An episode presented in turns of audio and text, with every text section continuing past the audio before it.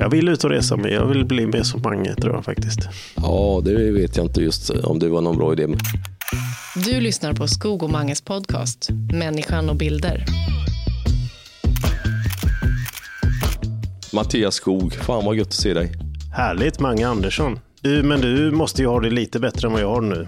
Beskriv, vad, vad händer utanför fönstret där? Ja, jag har hamnat på ett litet, är det något som jag ska tycka är kanske, jag är i Miami på Formel 1 i helgen och jobbar. Det är ju fantastiskt och soligt och gött, men just vissa amerikanska hotell är ju mer praktiska än charmiga ibland. När man parkeringsplatsen, man, alla åker bil hela tiden, var man än ska så tar man bilen. Så att det är ju praktiskt och bra och enkelt att en stor parkeringsplats. Men det blir, jag tycker att det blir inte så jättegenuint och charmigt alla dagar i veckan när det bara är bilen som är utgångspunkten liksom för, för att transportera sig praktiskt. Men... Jag har varit i USA bara en gång, men det, var, det, slår, det slås man ju av när man kommer dit för första gången. Alltså det här, hela samhället är byggt kring att alla ska ha en en bil ja. var. Ja, visst. Ja, jag blir lite ledsen.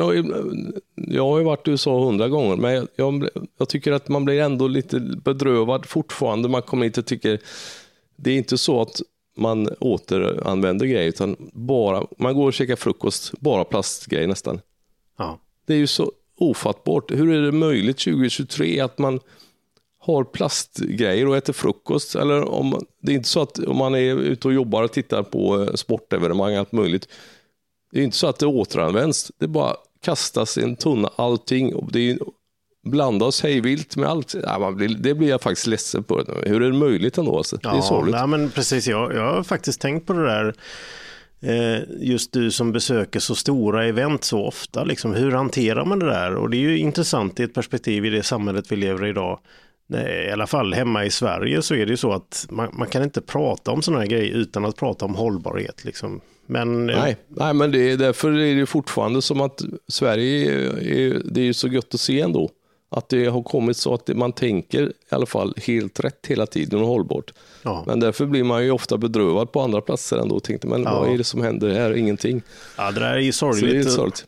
Ja, alltså. Men nu ska vi inte bli deppiga. Nu ska vi inte bli... Ja, visst. Nej, men vi var och badade igår faktiskt i Atlanten efter vi jobbat klart. 26 grader var i vattnet, så jag tyckte det var rätt så... Oj, det var stabilt. 26 grader i vattnet. Underbart. Det var bra faktiskt. Och det var också en... en igår var en... Det är inte så... Det, det är ju ett fantastiskt liv som man lever, för man får ju träffa så oändligt mycket spännande människor i så otroligt olika situationer. Igår så börja prata med en astronaut. Va? Och jag, det, är sällan man blir, det är sällan man blir Star Trek. Liksom. Men är det något som är det coolaste som finns så är det nog, tänk att vara en astronaut. Han har varit, jag kommer inte ihåg vad han hette faktiskt, men det ska vi ta reda på. Han, han har varit ute i rymden flera gånger och varit och bott på ISS och sånt. Tänk att jag stod och pratade med en sån astronautkille ändå. Han frågade om Sverige, hur är det i Sverige? bla bla. Helt otroligt, vilket möte. Ja. Jag får gåshud när jag tänker på det ändå.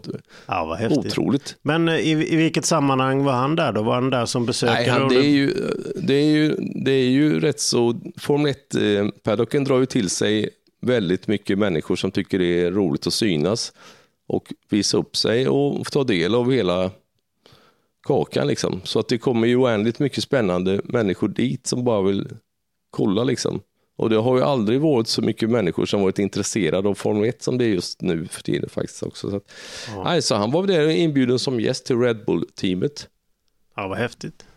Ja, så hade vi höll på, då höll jag på att filma faktiskt igår till en dokumentär eh, igen med Max Verstappen och hans manager som eh, hade massa, ja det var ett nytt avsnitt som skulle handla om mer businessgrejer. Så då höll jag på att filma Max Verstappens manager.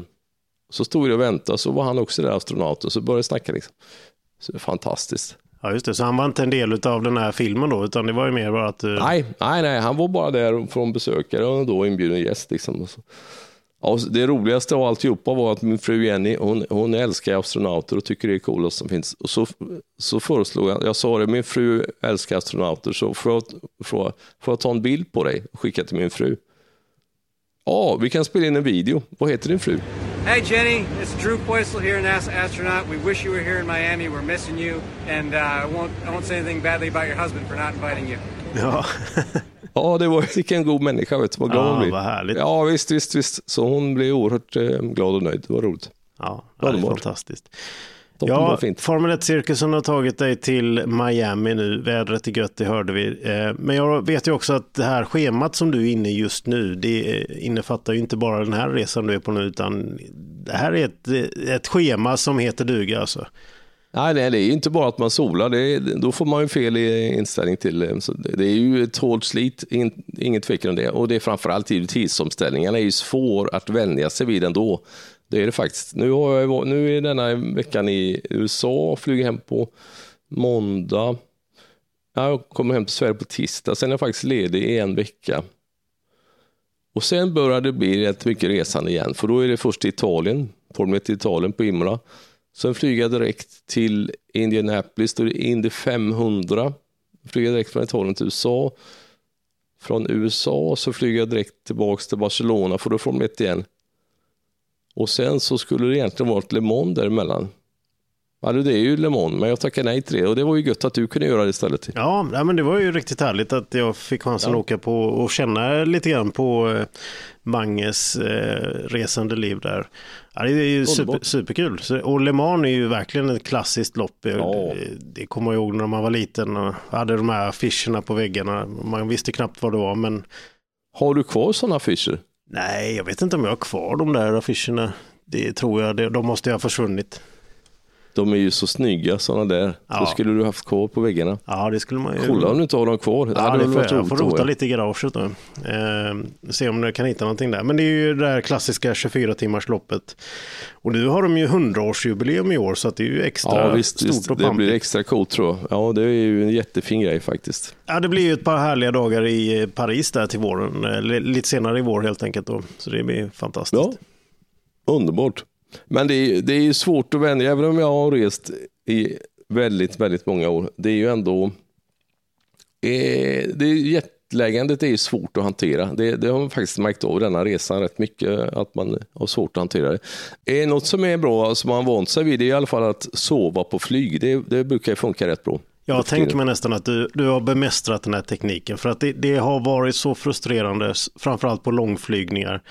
När man verkligen bara vill och måste sova. Och jag har inte knäckt den koden. Men, men det måste du väl ha gjort för länge sedan. Ja, nej men det är ja, det, det är nu för tiden, jag, nu, nu för tiden har jag inga problem. Jag kan sova hur gott som helst på ett flygplan. Jag vet inte vad, vad det kommer sig kanske, men det, det funkar faktiskt. Och det spelar ingen roll om det är bra benutrymme eller inte. Du sitter rakt upp. Och Nej, liksom, det är klart att det gör ju livet enklare om man får flyga business och ligga raklång och sova. Så, det kan vara mycket enklare. Men överlag så kan jag sätta mig och sova faktiskt var som helst. ja. Så det är, det är ju ändå positivt. Men det där är, visst är det någonting som jag kan tycka, när man tänker på det, så är det ju rätt så tokigt det livet man har levt. Man bara funderar på hur mycket tid har man spenderat på flygplan egentligen? ja, har du räknat på det någon gång? Eller? Nej, jag har inte vågat riktigt, men jag kan, det är ju säkert flera år som jag har suttit på ett flygplan. Ja. ja. Det är ju hemskt. Ja, och lägger vi till den aspekten så vi börjar prata om det här med hållbarhet och sådär. Så, jag, Ja, ja. då, då vågar jag inte ens blir det tänka jobbigt på vad man håller på Får vi-. Ja. Får vi byta Ja, ämne ja, ja, nej, det blir inte bra, det ja, blir men framförallt så om vi utöver flygningarna lägger till alla timmar som man lägger på flygplatsen inför och Ja, efter exakt. en Ja, flygresa. ja, och visst flygning, ja, det är ju lika mycket det nästan. För där kan vi nog snacka rätt många dagar under en livstid eh, som du har spenderat. Men det är ju, detta är ju såklart, detta handlar ju om att ett, detta är ett jobb. Det är ju, det är ju, man gör, detta är ett jobb bara liksom. Det är ju inga nöjestippar i den bemärkelsen. Så att det, Nej, precis. Men, men hur är du som person eh, nu- eh, när du har gjort detta flera hundra gånger, om inte tusentals gånger? Eh, att eh, åka till flygplatsen, sitta och vänta, checka in hel, hela den här proceduren som vi känner till. Du har gjort det så många gånger. Blir du till slut att du är ganska iskall och kommer i sista minuten? Eller är du... Nej, det händer aldrig. Det händer aldrig och jag är alltid fortfarande väldigt, väldigt tidig. Det händer aldrig att jag är, kommer för sent, för det stressar mig. Är det någonting som stressar mig så är det att komma sent till incheckning eller flyg. Tycker inte du det är jobbigt? Jo, jo, det är jättejobbigt. Och de, de gångerna man har gjort det, när man verkligen har sprungit inne på en flygplats för att hinna med, det är Mm. usch. fin- Ja, det Nej, finns är ju väl värre känslor, men det är otroligt jobbigt. Är det. Ja, det är stressande faktiskt. Det är inte så gött. Ja, det var sig. Men vet du vad? Något som jag tycker har varit väldigt, väldigt, väldigt fantastiskt inspirerande var ändå mötet med Hasse Persson förra veckan. Det finns det, det har påverkat mig otroligt mycket positivt och vilken energi jag har fått efter det samtalet med honom. Och det är en sak som har förföljt mig väldigt, väldigt mycket med det vi pratade om. Att han sa varför han ville sluta jobba med dagspress. För han tyckte att det, var, det blev som en dagslända bara. Kallar han det. Det tycker jag var intressant. Att det som han, bilder man tar är, och som kommer i tryck, de hamnar i, i, i tidningen och sen nästa dag så är de bara borta. Just det. Det är ju lite samma och det är, ju, och det är möjligen ännu värre kan jag tycka när vi jobbar med film och tv. Det som visas på tv eller det som visas på en film liksom, eller en reklamfilm eller vad som helst. Det, det visas och sen så är det bara så är det borta. Vi, vidare till nästa grej. Ja, och det där tycker jag, därför har jag tänkt mer och mer, jag vill verkligen ta mera stillbilder och hänga på väggarna. Mm. Ja, du har varit inne mycket på det. Ja, du, och I tidigare poddar har du också berättat om eh, planerna för eh, ditt garage. Det får man också lyssna på efter att man har lyssnat på intervjun med Hasse om man missade den. Eh, och utställningen på Tylösand och så vidare. Så Ja, du, men det har, det har blivit ett steg i rätt riktning och det var faktiskt otroligt roligt att jag har fått bara hänga ut lite bilder på galleriet eh, Tres Hombres i Tylösand. Det känns ju jätte, jättesmickrande faktiskt och roligt att man, att man ser att folk går och tittar på ens bilder. Det är ju kul. Ja. Och, då, och då är det ju inte dagsländeverksamhet på något sätt, utan Nej, då är det ju precis, något helt precis. annat. Sådär. Men hur påverkar det dig nu, nu när du är iväg och, och reser? Du filmar och spelar in intervjuer och sen så småningom när det är live då, då hur, hur känner du inför det nu då? Nej, det är ju fortfarande ett jobb man gör, men det, det, blir ju, det är ju svårt att få den känslan i Alltså att ta bilder som man tar för att man vet att nej, de här bilderna vill jag jobba med, hänga upp på väggen hemma eller på något galleri. Det är ju en, det är en dubbel känsla. När jag, när jag tänker på det nu, faktiskt, så är det en dubbel känsla. Och det är två olika känslor, vilket är charmigt egentligen. För det, nej, det finns nog ingenting, tycker jag, som du kan få så mycket känsla i. Filmat, något som är filmat och du tittar på det och du, eh, upplevelsen som du kan få, känslorna du får i kroppen av att titta på något starkt filmat liksom, med musik och allt möjligt, då kan man, ju- då kan man ju utan vidare börja gråta. Mm. Det är inte, det, den känslan ska man ju inte förringa, liksom, men det är två olika känslor egentligen. Eller hur? Visst är det så att om du, om du, gör, om du tittar på någonting som visas på ett reportage eller en film eller vad det är som är filmat. Eh, den känslan du kan få i kroppen är ju, det kan ju bli oändligt stark ändå. Ja, ja. ja men absolut. Det, det, är, det är därför jag drar så mycket till eh, filmmediet snarare än stillbilder. Eh, Men nu, nu under den här resan, den här korta tidsperioden vi har haft en podd, vi började med det i februari, nu är det i maj, så har jag också förändrat eh, mina perspektiv Ja, lite grann och fått nya intryck. Och, um, och mitt... Bestå, min bestående känsla, jag har haft en liknande grej där efter att vi träffade Hasse Persson i Hyssna och satt och lyssnade på Ja. hans livsberättelse som fotograf ute i världen. Så var det det där, eh, av två anledningar kanske, men det var när han fick en, en blixt i huvudet när han var på Manhattan. Och det roliga med det, det var att du trodde att det var en Ja. riktig blixt. Ja, ja nej, men jag, ibland så tänker jag ju eh, efter jag pratar. Så Ja, just det. Men du, du, var, du var inne i historien där och tänkte att Ja, nu är det något ja, chockerande grej där. Men det var ju alltså en snilleblixt som slår ner i Hasse. En så- snilleblixt som man fick, ja. Just det. Och så berättar han det, nu kommer jag inte ihåg det ordagrant bara för det, men eh, någonting om att nej, vill jag att, någonting, att det ska bli någonting utav mitt liv, att det ska hända här någonting. När han stod där på Manhattan och mötte alla de här hundratusentals människor då som bara gick fram och tillbaka. Och kände väl då att det var ingen som tittade på honom eller ja, var beredd att göra någonting för honom där. Vill jag att det ska hända någonting utav mitt liv så måste jag ta tag i det själv.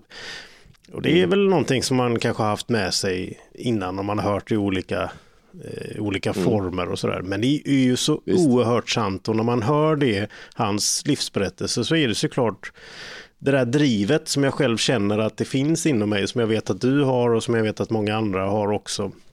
Eh, det, det är så oerhört viktigt att lyssna på det. Och vill man Ja, att man ska hamna i situationer, spännande, ta de där häftiga bilderna eller vara med om det där sammanhanget eller bli förväxlad med, med någon Formel 1-förare på någon krog eller pratande med spännande människor, vad som helst, vad som helst, så måste man sätta sig i de här situationerna. Man kan inte gå runt hemma på gården och vänta på att någon ropar. Nej, du händer inget och det är intressant ändå. Och det är, ju, det är, det är otroligt oändligt charmigt ändå att man kan påverka sitt liv hur mycket som helst egentligen. Det är ju rätt kul att man kan verkligen se till att det händer något om, om man gör något själv. Och det är coolt tycker jag. Men det kan ju vara ganska jobbigt. Ibland är det ju en jobbig tanke att det hänger ihop. Att eh, det vill ju till att man har lite eh, någon typ av eh, driv ändå vad man ska jobba sig fram på något sätt. Det kommer ju som sagt inte, och det kan ju vara rätt jobbigt ibland också att skapa grejer. Ja, verkligen. Det, det ska gudarna veta. Ja. Det kan ju vara Ja, det är allt det. ifrån eh, när eh, motivationen är slut, orken finns inte där eller att man är självkritisk Mm. är en stor fiende också.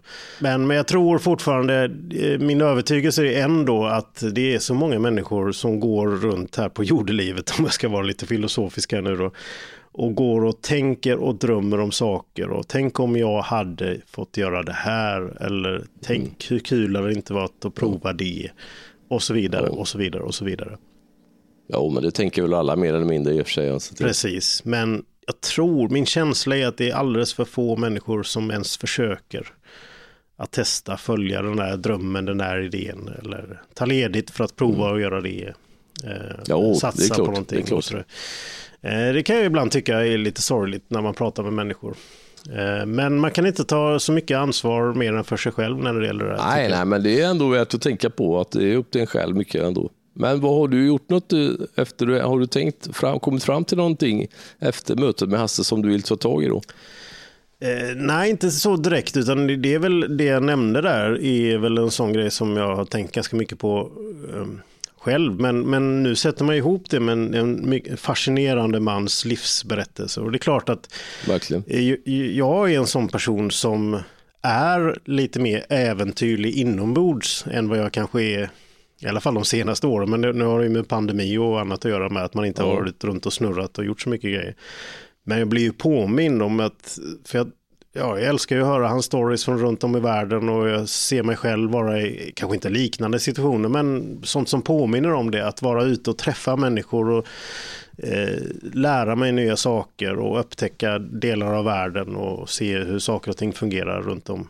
Eh, och det är Ja. klart att sitter jag mycket hemma på mitt kontor i Falkenberg så kommer det ju aldrig hända. Så Nej, nej, man, man får, det blir en påminnelse om att, att jag, kanske, jag kanske ska resa mig och, och gå ifrån det här bordet eller utvidga mina, mitt perspektiv lite grann för att eh, komma ut och resa lite mer.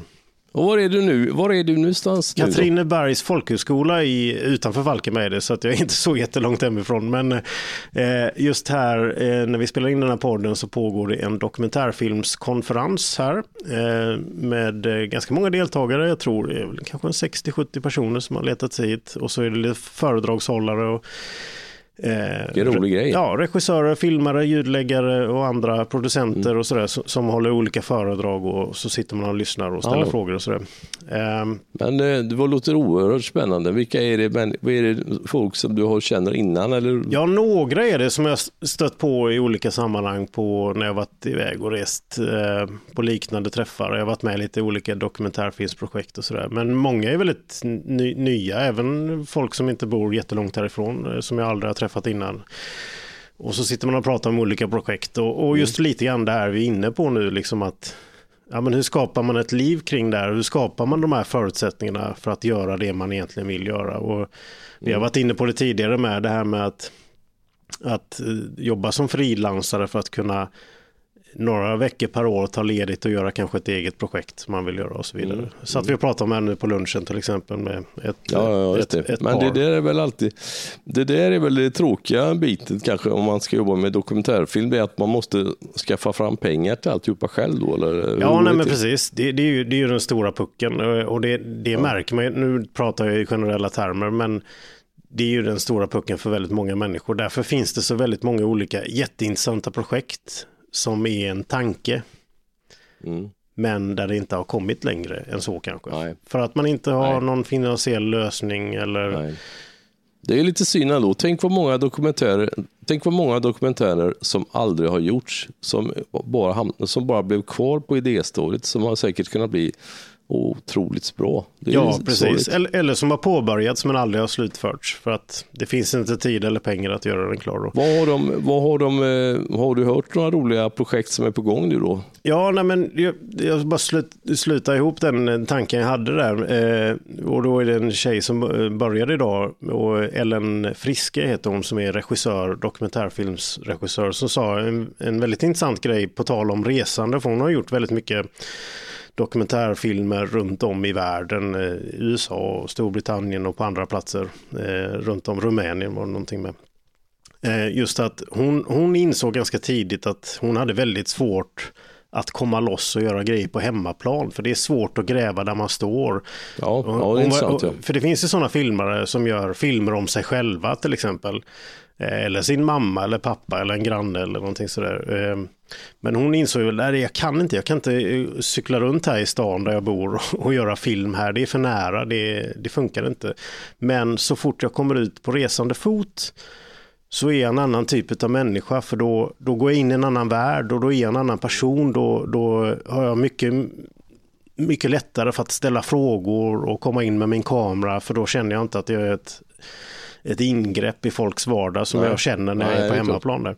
Så, det, så det kopplar ihop det lite grann det där med resandet där att, att det kanske är lite lättare att komma utanför sin comfort zone och göra sitt arbete där. ja, men det tror jag. Det är ju på ett sätt så är, är det nog svårt att bli eh, profet i sin egen hemstad ändå, som man säger. För att det, ja, ja det, är- det är lurigt. Ja. Men vad ska du ut och, ska du ut och jobba någon annanstans nu då? Eller vad vill du göra då? Ja, nej, vi får se lite grann vad som händer nu. Nu blir det ju Le Mans. Eh, det är väl den stora grejen som är inplanerad de kommande månaderna. Eh, sen får vi väl se vad det blir. Jag har haft en väldigt häftig varierande vecka de senaste veckorna. Så jag har varit jättetaggad och peppad på det. För att det har varit så många olika sorters grejer. Och vårsolen är här, folk är gladare. Men det händer också intressanta grejer. Eh, var på en teaterföreställning, det var premiär eh, igår eh, på den och det var, vi spelade in och dokumenterade och gjorde massa grejer kring den. Superkul att jobba med teatermänniskor, professionella ljuddesigners och ljussättare och sådär. Det blir, det, blir, det blir snyggt och det blir bra, det blir bra det kvalitet. där är ju Det- stimulerande, det där är ju stimulerande i sig, verkligen, att få jobba med proffs. Det, det är ju kul. Alltså folk som vet vad de håller på med, det piggar verkligen upp tycker jag. Ja, Visst precis. Och, och, nej, jag tyckte det var en härlig dag, liksom. bara arbetsglädje. Och, det, och, och folk tycker ju det är så kul när man själv kommer. För då blir det ju, då, i detta fallet så har de repat och repat, alltså flera veckor i stöten och ett projekt som varit flera månader. Men nu hade de ju då eh, genrep och så skulle eh, på genrepet då skulle vi filma hela produktionen. Då blir det ju skarpt läge och då, blir det, då är de extra peppar och tycker att det är skitkul. Det här blir den roligaste dagen på jobbet på länge. Ja. Och det är då jag kommer in. så jag får ju bara uppleva den här eh, professionella nivån men också glädjen av att göra det. Och sen åker jag därifrån. Liksom. Så att, eh, det, är en lyxig del av mitt jobb ibland att jag, Det är klart. jag är ofta med om den roligaste dagen den här månaden. Ja, men så är det. I Ja, folks liv. Och det, det, det är faktiskt, jag är väldigt ödmjuk inför det och är glad över att det ingår i mitt jobb. Liksom. Det det är ju helt, jag förstår det precis. Och det där är, kan, ibland kan jag känna att det är nästan lite lurigt att man gör grejer hela tiden som ger en så mycket positiva kickar ändå. Och det är på gott och ont faktiskt, kan jag känna. Det är svårt att sätta sig ner lugnt och fint och slappna av, för man, då vill man bara ha de där kickarna hela tiden. Att man vill vara och göra grejer som ger en kickar och det där är ju, kan vara slitsamt också faktiskt. att Man ska inte vara negativ, men det är ändå lurigt också. Ja, nej, men jag känner igen det där. Jag, vet, eh, ska vi se, jag har hört lite musikartister prata om detta. De kallar det för någonting särskilt som jag inte kommer på just nu. Men eh, jag vet att Jill Johnson pratade om det i någon intervju eller om jag träffade Mm. henne i något sammanhang. Jag vet inte. Men, och det- jag vet att det är likt för många andra artister också som är ute kanske på I hennes fall var det en USA-turné eller någonting och var ute och spelade kanske två, tre månader. Och då, är, då har man ju sån kväll varje kväll. Alltså det, Ja. Stämningen är på topp, alla tycker att detta är veckans höjdpunkt. Eh, och, det är proffsigt, det är bra. Det är, man är en stjärna, man blir påpassad, man får uppskattning, kramar. Folk tycker att fasen vad roligt, du är bäst, bla bla bla. Och sen en vacker dag så kommer man hem till Ängelholm och så i hennes fall, jag tror hon sa det, ja, men, och, och då tycker familjen, vad kul att du är hemma, men nu är det din tur att, att komma ikapp och ta disken och sen får du gå Ja. vet, Nu har inte du tagit ut soporna på två månader. Liksom. Nej, exakt. Och det där är ju fort, det kan jag tycka är lurigt fortfarande. Den där, faktiskt är det en, det är en krånglig och jobbig del av livet. Fortfarande man lever ett otroligt inspirerande liv på många sätt. Men sen så ska man också komma hem och ta hand om soporna. Det där tillbaks till vardagen. Det är, ju- det är lurigt det där med kickarna ändå och handskas med det faktiskt. Alltså. Ja, men det är lurigt tycker jag faktiskt. Men det var lite deppigt förra veckan ändå, från det ena till det andra. Att du hade problem i Göteborg var inte så jävla roligt. ja, den var inte rolig. Den, den hade jag nästan Nej. förträngt för 50 Ja, förlåt, det var inte meningen ta upp det, men det var ju ändå en värdelöst tråkigt händelse du var med i jag. Göteborg. Ja, nej, men det var, det, var, det var också sån här, det var en riktigt härlig dag fram tills jag upptäckte vad det var som hade hänt. Jag var i Göteborg, eh, jobbade åt SVT Sport. Vi eh, filmade lite in i Skandinavien, Tre Kronor, samlades inför eh, de träningsmatcher och sen så småningom då hockey-VM. Eh, då var det också sån här, den här goa stämningen när, Mm. eh, inför ett stort evenemang. eh, Både journalister som, ja nu händer det något kul, liksom sådär. det var god stämning där. Alla lagledare, materialförvaltare och alla spelare som träffas för första gången på länge och sådär och tycker det är kul och det var några debutant, debutanter där som inte har varit med innan och så. Det finns massa sådana grejer. Och så gjorde vi lite jobb där, filmade och intervjuer och satte upp lite ljus. Jag hade två kameraproduktioner, vi bandade och sådär. Eh, lite, lite sådär, inom citationstecken, fin intervjuer, det vill säga lite längre intervjuer, man ljussätter det lite mer noggrant och sådär. Kul, roligt jätterolig dag. Eh, eh, kommer ut och då rullar jag ut. Jag har ju blivit så gammal så att jag är trött på att släpa på grejer fram och tillbaka. Så jag har en ganska stor vagn där jag då helt enkelt lastar på alla mina prylar som jag har. Eh, och så rullar jag tillbaka ut till parkeringen där jag har ställt min van och öppnar dörren och då ser jag ju att den här lastrampen som jag har när jag rullar in vagnen då helt enkelt och spänner fast det där inne, den är, vad fasen, den är ju insparkad åt fel håll, alltså in i skåpet i bilen. Ja, Och- så deppigt. Ja, och, och så har jag lite hyllsystem på väggarna där bak i skåpet och där har jag lite, ja, det kan vara lite västar, lite tejprullar, lite reserv, lite batterier, lite klämmor och ja, sådana småprylar. Då har Eh, någon gjort inbrott. Ja, och då har de ju rivit runt där så som det ser ut på, på brottsplatsen efter ett inbrott. Liksom. Och jag blir ju Ja. riktigt paff. Och då är det ju lite senare på kvällen, jag står där själv vid min van eh, på en tom parkeringsplats nästan. Eh, och så jämte mig har jag den där stora vagnen med och då har jag ju ganska mycket värdefulla grejer med mig. Och, och då känner man ju sig som eh, ja, men ganska Ja, kränkt. ändå. Ja, man känner Ja. sig kränkt. Vad fasen har någon varit inne och Ja, rotat? Och så har de snott prylar också. Mm. Det är, eh, två stycken easy rigs, det är egentligen ergonomiska. Du vet i många sådana här västar man har på sig så är det en pinne som går upp över huvudet som hjälper en att hålla en tung kamera. De har, tagit, de har tagit dina Easy Rig. Ja, två Fria. stycken sådana. Och det, eh, det är ju jättesurt för att eh, ja, Ja. Det, är, det ju arbetsverktyg liksom. De vill man ju ha Ja, och visst, använda. visst. Då fick du stå och vänta på att polisen skulle komma Ja, alltihopa jag, där, jag vet inte om jag borde ha gjort det eller inte, men jag kände ju där och då att nej, nu gäller det nog att laga den där lastrampen tillfälligt i alla fall så jag kan rulla in vagnen, låsa fast den och sen ska jag nog köra därifrån. Och Ja, vilket ja, det var det jag gjorde läskigt, faktiskt. ja. Jag, vet inte, jag ska Ja, inte säga att jag var rädd och sådär, men jag ville ju verkligen inte att det skulle komma fram ett gäng där och nu tar vi resten av dina prylar för då Ja, det är ett ekonomiskt värde som är stort, men framförallt så skulle det innebära att, att jag inte kan jobba på ganska länge eftersom det var eh, kanske inte all utrustning jag har, men Det var ju mina Ja, kameror men inte och bara det, allt det annat. blir ju kusligt om man skulle träffa på några banditer som skulle komma Ja, och nej, men ner, exakt. liksom. Nu, nu ska jag inte hitta på massa hjärnspöken som inte var där. För jag, jag, kände, jag såg inget sånt, jag, jag upplevde Nej, inte att det var nej. så. Men jag vill Nej, ju bara det är ju i alla därifrån. fall alltså. kränkande på alla vis. Ja. Ja. Ja. det var en dålig sak i veckan, det var inte så gött Ja, för det var, ju, ja, det var jättetråkigt var det ju. så, att, eh, så nu är det ju då ja, polisanmält och försäkringsärende och sådär. Så ja, vi får se hur det blir med det. Men, eh, men Ja, det, ja, om vi nu ska komma till någon slutpunkt i det, i den här podden och en rekommendation.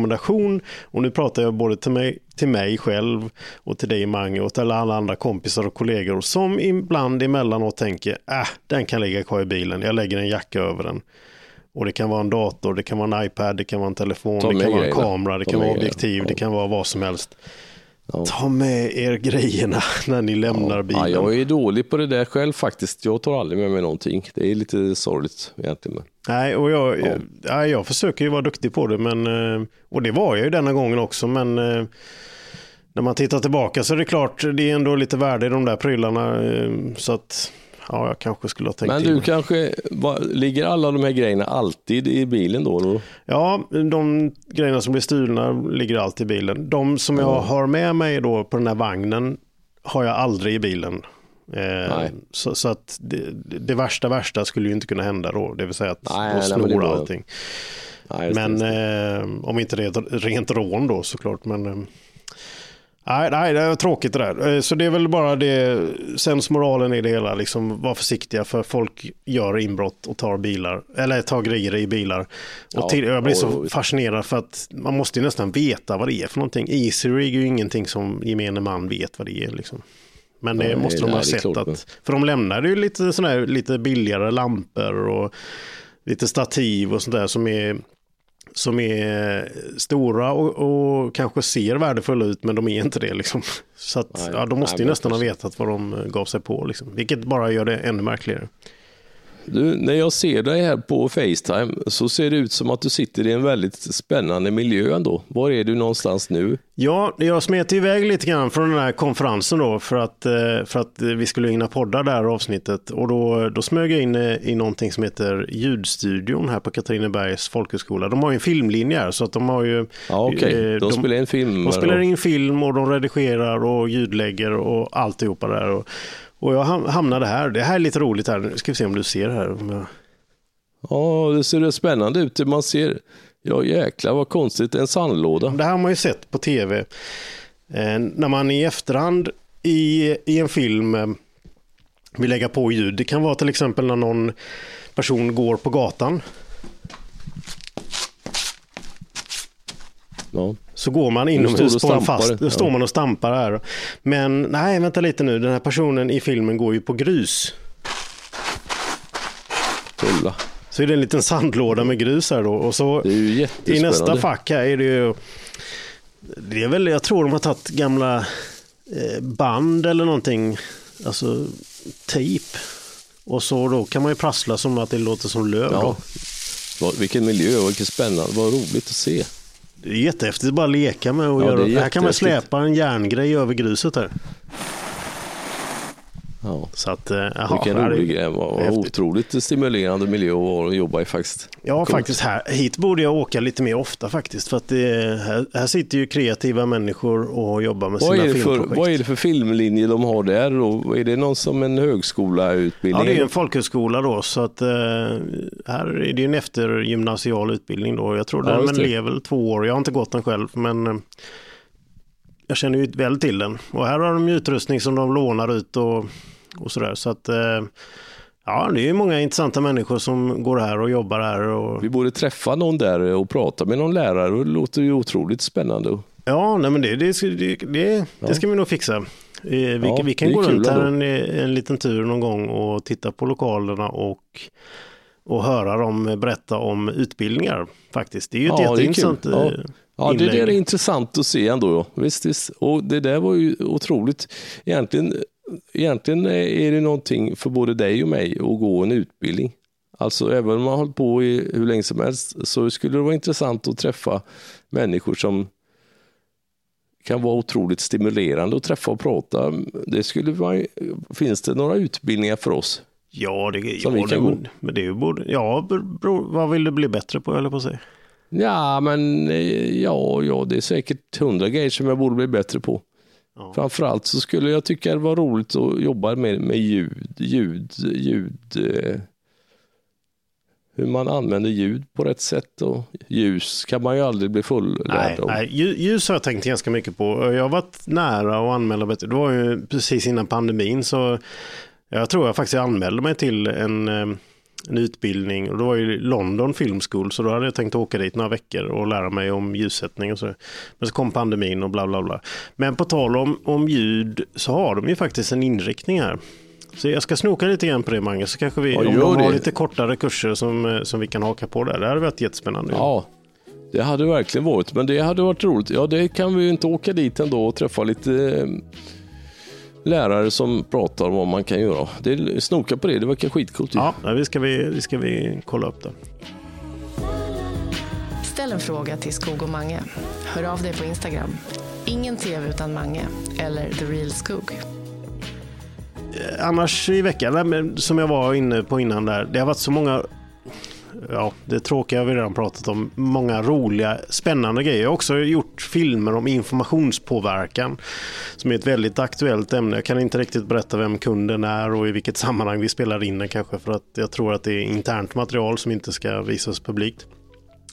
Men det är ju jättespännande och det slår ju an lite grann det här med fake och AI och sånt som vi pratade om ja. för några avsnitt sedan. Ja. Men också hur det påverkar organisationer och hur det används av aktörer som är, är lite illasinnande och sådär. Så det, det är en väldigt aktuell och, och brinnande fråga under eh, det pågående världsläget som det är just nu. Och det är också en fördel som faktiskt med det här jobbet när man får möjlighet att och, ja, dels göra sådana grejer men även allt annat som man gör egentligen tycker jag, det är att man, när man kommer in i andras världar och får reda på väldigt mycket och, och, och ofta är det ju väl förberedda, som i detta fallet då var det ju en expert på ämnet som pratade med en representant för det här bolaget som hade beställt den här produktionen då. Och då har de ju förberett sig och gjort en väldigt pedagogisk egentligen utbildningsserie om det här. Och då får man ju liksom det, det får man ju på köpet för att man är med i produktionen. Och när man gör en produktion så är det ju, det blir oftast bäst resultat om man är väldigt med och närvarande såklart. Att man lyssnar in, vad är det de pratar om, vad händer, hur ska vi klippa det här, när lägger vi in vissa bilder och så vidare. Men jag, jag är ju en person som är, jag är så nyfiken och fascinerad av nästan allting här i livet. Så jag tycker det, det är en jättelyx att på, som i det fallet då få gå och få en föreläsning helt gratis för att, och få betalt för det. Man gör utför ett jobb men man får lära sig Nej, jättemycket. nej, men det, det där är ju en lyx som man har i jobbet, att man kommer ju till platser och situationer och träffar människor som man aldrig kunde drömma om finns. Eller alltså komma så nära människor som man kan göra på, det är ju ofattbart stimulerande. Visst är det. Ja, ja det, det, det är häftigt. Så att, eh, nej, men det, det är ju jättekul att höra att både jag och du är fortsatt väldigt eh, taggade kring allt vi håller på med framöver. Ja, ja, det är ju hur piggar upp som helst. Underbart, Ja. jag tror det. Men eh, lite mer om Miami nu då, avslutningsvis här, så vi får bli lite Ja, avundsjuka. jag hade ju tänkt, jag hade egentligen tänkt, det var en holländsk kollega, eh, pratade om att vi skulle försöka hitta en tatueringsstudio i Miami. Men det har vi inte haft tid att göra. Nej, just det. Tatueringar är ju roligt. Det är ju det. Och det, det, det är ju, vet jag, det var den första idén jag fick när vi började prata om att göra en podd. Det är att ja, vi måste göra ett avsnitt från en tatueringsstudio och då berättar vi om Manges alla tatueringar. Ja, Jag vet inte, vad, hur många har du? 50? 60? Nej, ja, nej, inte så många tror jag. Ja, ja, det kanske börjar bli rätt många. Ja, för jag har ju tatuerat in armarna och de börjar bli rätt fulla nu faktiskt. Sen så ska jag ska jag inte göra mer än armarna för det är fint, men sen får det bra. Ja, Ja, det. det. var faktiskt roligt igår. Igår kom det fram en amerikansk fotograf som eh, de snackade lite. Han hade stått och tittat. Jag såg att han stod och tittade lite grann på, på min eh, vänsterarm där jag har det som film, filmtema. Och så eh, kunde han inte bärga sig längre. Han gick fram och pekade på en tatuering som det står slightly out of focus. Och han tyckte det var så roligt och det bästa han varit med om. Han, ja, det, var, det där är ju fascinerande att folk blir glada ändå. Också. De, för att Ja, man kan ja, sprida ja. glädje med Ja, sina... det är härligt. Ja, nej, men det var kul. Det var kul. Men därför ska vi åka och tatuera sig. Du borde ha lite mer tatueringar också. Ja, Ja, jag har ju bara tre där. Eh, det är dåligt. Men, men det var ju tanken att vi skulle eh, göra ett sånt avsnitt Eh, och men det så har jag ju sagt till dig, Mange, säg till nästa gång du åker till Och så har tatueringsstudion. jag gjort det tre gånger till. Så har du gjort det tre, fyra, fem, sex gånger utan att säga till. Så det där avsnittet det står fortfarande på väntlistan då. Men det kanske vi ska göra nästa vecka, för då är jag ju hemma en vecka faktiskt. Eh, Då skulle vi kunna åka och tatuera oss, både du och jag. Ja, just det. Då måste jag ju komma på något smart här nu. Ja, jag kan hitta på något till dig. Ja, ja. det låter bra det. Då, då, då funderar vi på en tatuering till nästa vecka helt enkelt då. Det tycker jag vi skulle försöka göra. Ja. Ja, vad härligt. Det kan ju, det kan ju om man är pigg på att skicka idéer på lite tatueringar man kan göra så får man ju gärna göra det. Ja, och där tar vi väl emot allting från rena designförslag eh, ritade Exakt. i Photoshop till eh, bara lösa idéer. Så får vi se om det fastnar. Skog och Mange. Skog och Mange på Instagram. Är du nöjd med din Leica-kamera nu eller? Den är fin. Den är fin. Ja. Men tänk om Ja, de hade ja, snott den från min bil. Tänk om jag hade lämnat kvar den i bilen. Herregud. Nej, det hade inte varit, det hade inte varit en succé faktiskt. Nej, Men men jag har tagit rätt många härliga bilder med den på sistone. Eh, och det här är ju intressant, för det är det här vi pratar om, det där vardags, vardagsdokumenterandet har ju blivit så Ja. mycket mer utav, alltså till och med vanliga, ganska, vad ska jag säga, kanske, ja men som till synes tråkiga möten, men det är ändå intressanta Mm. människor ja, och det är en utmanande grej eh, för en själv att om man deltar i mötet, man sitter vid ett gammalt konferensbord inrett som på 90-talet, liksom inte så spännande. Men sådär, ja, men, ursäkta mig, bara en, en praktisk fråga. Är det okej om jag tar lite bilder under mötet? Och så går alla, ja, ja visst, det var roligt, det var kul. Och så plockar man fram sin kamera. Och då börjar man jobba och försöka fånga här, den här stunden som är Mm. ganska vanlig, det är inget anmärkningsvärt överhuvudtaget, men att fånga intressanta bilder. Den här personen som är på det här sättet, Ja. den skulle jag vilja fånga eh, när han eller hon precis. gör den här gesten och, och sådär. Underbart. Och det är, det är ett jättebra övningstillfälle. Ja, men det, det, är, no, det är ju visst. Jag deltar ju på mötet och, och, och lyssnar ju och sådär. Och jag tar ju inte bilder hela tiden, men ibland när man lyssnar så ja, då går man runt och plockar lite bilder. Så att typ Ja. den sortens bilder har jag aldrig tagit innan. Men det har jag börjat göra nu och det är rätt häftigt. Det gjorde jag så sent Ja, som för, strax innan vi spelade in podden med. Ta fram kameran, Okej. hur fångar jag det här ögonblicket bäst? Utan att störa det som händer nej, men jag, jag har ju gjort det mycket skulle jag säga, men jag har mer, eh, och det kan jag tycka att det är något som är, har blivit enkelt och som är väldigt bra är ju att ta bilder med mobilen tycker jag. Det blir ändå så pass bra kvalitet på iPhone eh, 13, 14 Pro så att det går att använda. Och det där är ju ändå fördelen med att det blir ingen större grej utan att man tar fram och det, det är ett litet större steg och blir lite mer komplicerat om du har en Leica-kamera som du börjar jobba med. Folk kan ju rygga tillbaka lite mera än att du tar upp mobilen och Ja, bara tar lite bilder. Det ser mer ut som att det är en, en riktig fotograf som tar en bild i något syfte. Än att det som alla... Som, annars är det ju att vem som helst bara tar fram sin... Och alla knäpper ju bilder överallt hela tiden annars. Ja, exakt, exakt. Ja. Men är det, där, är det därför du inte har med din fina Fuji-kamera nu när du är på Formel 1? Nej, jag, jag, ska, jag har inte... Jag har med fyrkameran, men som det är nu har jag inte riktigt kommit igång och använda den ändå faktiskt. Det har inte blivit riktigt av att jag har... eh, Det var ju lite det som är tanken, att jag ska gå ut på promenader på kvällarna och ta lite... Ta bilderna ni badar i Atlanten och sådär. Ja, nej men det, det är klart att jag kommer... Det är ju mitt mål att ta med bilder när jag reser och det kommer jag göra. Men det har inte, blivit, det har inte riktigt lossnat för mig nu, måste jag erkänna. Nej. Nej, men det kommer. Men det det, kommer. det, kommer det göra, det kommer det göra tror jag, för det, det är ju roligt när man reser runt till alla platser på jorden och tar lite vardagsbilder. Det är ju kul alltså, att ha bilder på väggarna. Ja, och det är väl så att den som har bäst eh, fotoalbum eh, när man sitter där på ålderdomshemmet vinner. Mm. Ja, men så är det, det är ju så gammalt. Ja, då Men, kan vi, eh, kan vi sitta där och jämföra våra bilder. Ja, det ska vi kunna göra sen. Det kan vi göra när vi hamnar där. Bläddra Det fram och blir bra. tillbaka. Ja, det blir roligt faktiskt. Underbart. Okej, men vad, vad står näst på tur här? För din arbetsdag har inte riktigt börjat än då och min är ju mitt i kan man väl säga då. Ja, jag ska inte säga att jag stenkollar nu faktiskt. Men, Nej, du, du eh, låter lite sömndrucken nästan, du har inte riktigt vaknat än. Nej, men det, det har ju faktiskt det har ju ändå påverkat med jetlägandet den här resan ändå, det måste jag säga. Och det är olika från gång till gång ändå. Så. Du har lyssnat på Skog och Manges podcast Människan och bilder avsnitt 17 med eh, Mange i Miami och eh, Skog i Falkenberg på Katrinebergs folkhögskola. Jag tycker att vi ska tatuera oss. Jag ser framför mig att det, var, det skulle vara roligt och stimulerande att, att ta och gå till en tatueringsstudio, du och jag. Och så gör vi en liten bild på något. Just Det är det. ju fint. Och så har vi rätt många stories att berätta om alla dina tatueringar där. Ja, det piggar upp också. Det blir fantastiskt. Då har vi lovat vad som händer i nästa avsnitt. Och så får du, får du ha en riktigt god vecka Mange nu med alla jobb. Och glöm inte att vara lite ledig och njuta av eh, ja, den lediga tid du väl hittar. Det går ingen nöd på mig eh, som åker och badar i Atlanten. Låter bra det. Ha det bäst Mange. Kram, kram! Hej hej!